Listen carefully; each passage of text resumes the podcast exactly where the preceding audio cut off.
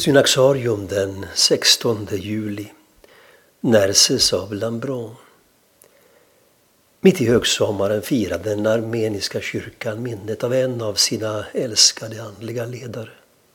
Nerses av Lambron, som var ärkebiskop i Tarsos på 1100-talet. Redan som barn överläts han av sina föräldrar till Guds tjänst och 16 år gammal fick han sin farbror Nerses Norhali som själasörjare. Denne var så kallad katolikos, motsvarande ärkebiskop i den armeniska kyrkan.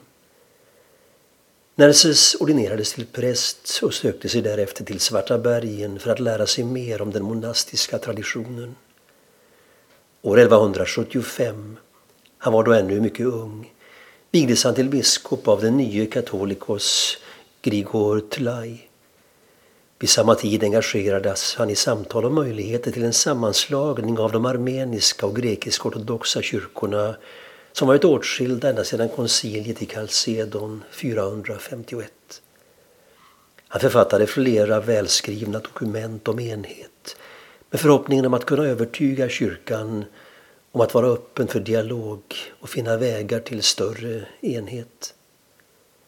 År 1180 utnämndes Nerses till ärkebiskop i Tarsos. Han förblev trogen sina monastiska ideal och även om han drogs in i en mängd åtaganden behöll han fokus på sina pastorala uppdrag.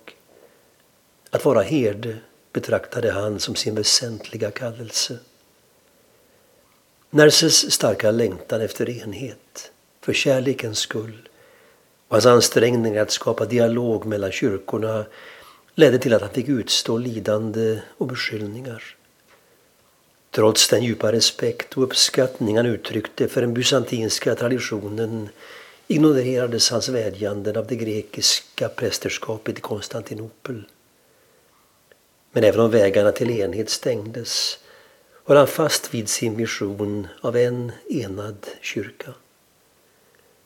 Nerses dog den 14 juli 1198 och är en av de viktigaste lärofäderna i den armeniska kyrkan.